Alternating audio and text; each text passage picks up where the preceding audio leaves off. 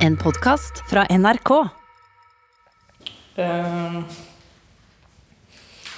nå er jeg på mitt eget private skifterom. altså handikap-doen, fordi den har dusj. Eh, Jeg kan ikke skifte i verken guttegarderober eller jentegarderober. Det blir teit, føler jeg. Kan liksom ikke Nei. Det er litt kleint, kjenner jeg. jeg Føler at jeg liksom må skjule litt eh, At jeg går inn med en sånn treningsbag og sånn, og så jeg går inn og skifter, og så kommer jeg ut igjen, så føler jeg at folk skjønner det. Men eh, de syns det er teit eller noe rart. Jeg vet ikke. Så jeg prøver alltid å høre etter om det er noen på utsida før jeg går ut. Du hører nå på Penis i posten, en dokumentar om mitt første år på testosteronbehandling.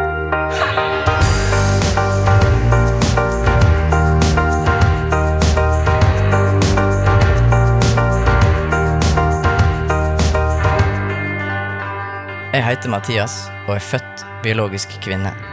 Helt til nå har jeg strevd med å finne min kjønnsidentitet. Nå har jeg bestemt meg for at jeg vil endre kroppen min, slik at den passer med hvordan jeg faktisk føler meg. Jeg har lyst å invitere deg inn i min verden som transseksuell.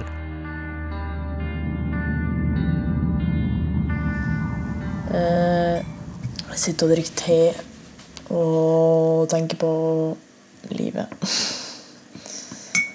Kjenner at det her er så sykt riktig.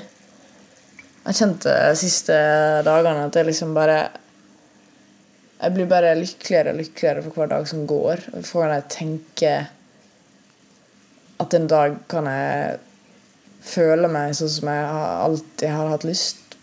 Jeg kjenner at jeg har sånn sommerfugler i magen på den dagen jeg kan stå og liksom se meg sjøl i speilet og bare Yes!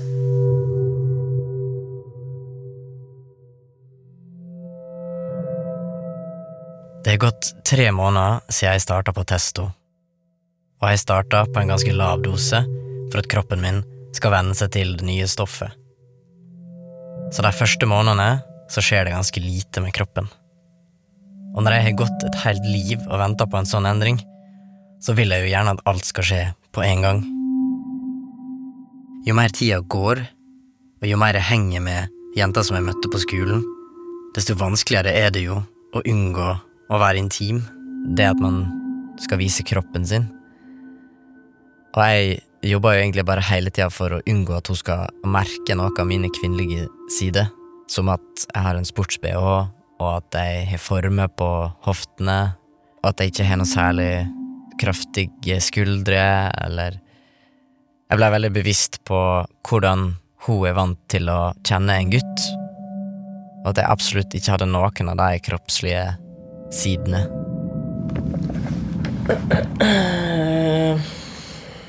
Jeg trodde Jeg trodde at mensen hadde gått bort. Det hadde det ikke, da. Nå er jeg ganske sur, kjenner jeg.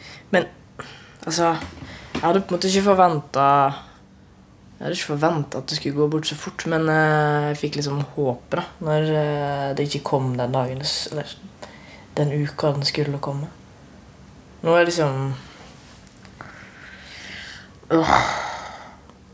Jeg vet ikke hvorfor det er så jævla dritt å ha det, men det er sånn Det minner meg veldig om Jeg føler jeg kjenner liksom eggstokkene mine, eller hva man kaller det. Eller livmora. Jeg vet, hva, er det, hva er det Jeg vet ikke hvor mensen ligger engang. Men uh, Herregud. Veit jeg så lite om mensen? Ja, det gjør jeg. Eh, men Ja, jeg føler jeg kjenner Kjenner at jeg har liksom kvinnelig kjønnsorgan når jeg har mensen. Og nå så trodde jeg at jeg var vekke. Og var veldig sånn glad. Og har egentlig sagt det til folk at Å, mensen er borte. Oi, hurra. Gratulerer til meg sjøl. Og så dukka han faen meg opp i dag. Eh, og det kjipeste med det er jo at jeg Altså, Jeg har fått meg kjæreste. Det er ikke kjipt. Eh, men det at jeg må ha mensen i det jævla forholdet Jeg tror hun, hun har sikkert ikke en dritt imot det, men det er jo jeg som er problemet. Det er alltid jeg som er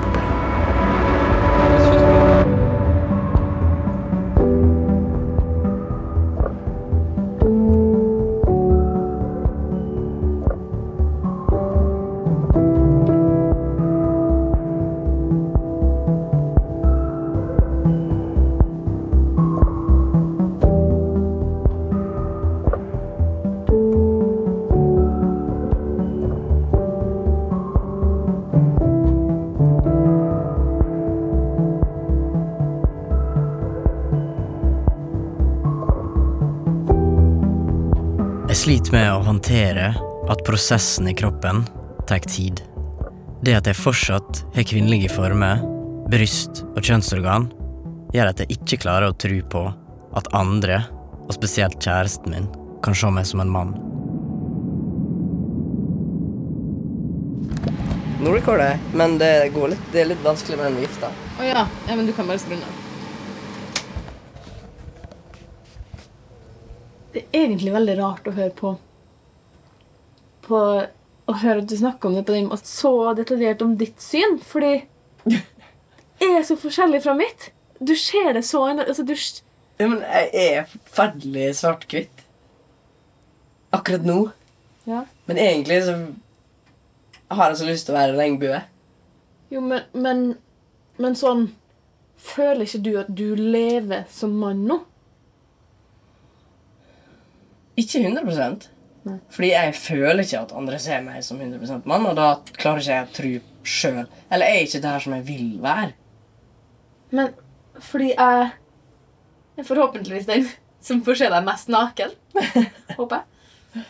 Og jeg ser jo på deg som min mannekjæreste.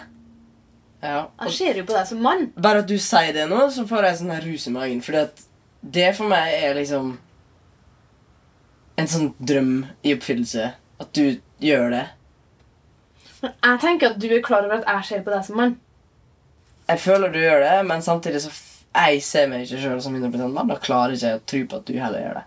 100 ja. Hvordan skal jeg Fordi det, det er så rart for meg at du ser det sånn, fordi det er ikke sånn det er i min verden. Nei, og jeg har jo lyst til å delta i din verden, da. Det, det, det er det som er problemet. Jeg er nødt til å endre min kropp for at jeg skal føle meg genuin.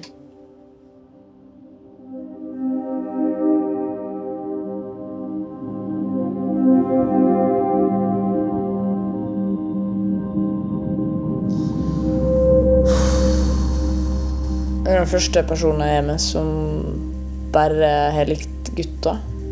Det er både sjukt digg å tenke på, og så er det sjukt skummelt fordi jeg mangler en penis som hun er vant til å ha. Hvorfor er alle tankene mine basert på det å ha en penis? Det er jævla frustrerende. Jeg veit ikke helt hvordan jeg skal takle det resten av livet, egentlig, og leve uten det. I hope that the right time one day arrives.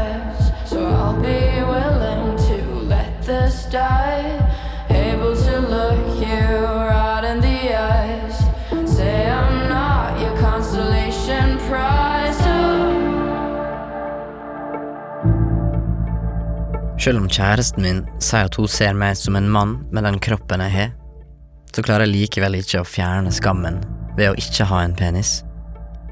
Jeg begynte å researche litt, og jeg fant plutselig en YouTube-video med en som snakka om at han har kjøpt ei penisprotese som han kan ha i buksa, og som han kan stå og tisse med. Jeg tenkte, det er jo helt sjukt. Det må jo være det nærmeste jeg kan komme til en ekte penis. Selv om den egentlig kosta altfor masse penger, så tok jeg og bestilte en hjem i posten.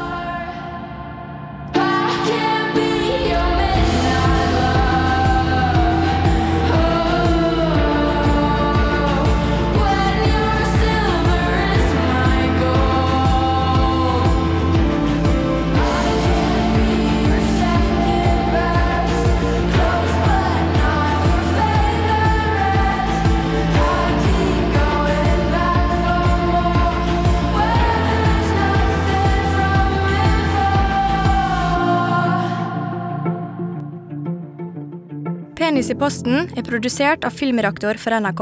Regi og lyddesign av Mathias Frøystad. Produsent i Filmreaktor er Håkon Ludvig Grønvoll. Produsent i NRK er Hege Haug Omre, og Siril Heierdal er redaksjonssjef. Du har hørt en podkast fra NRK. De nyeste episodene hører du først i appen NRK Radio.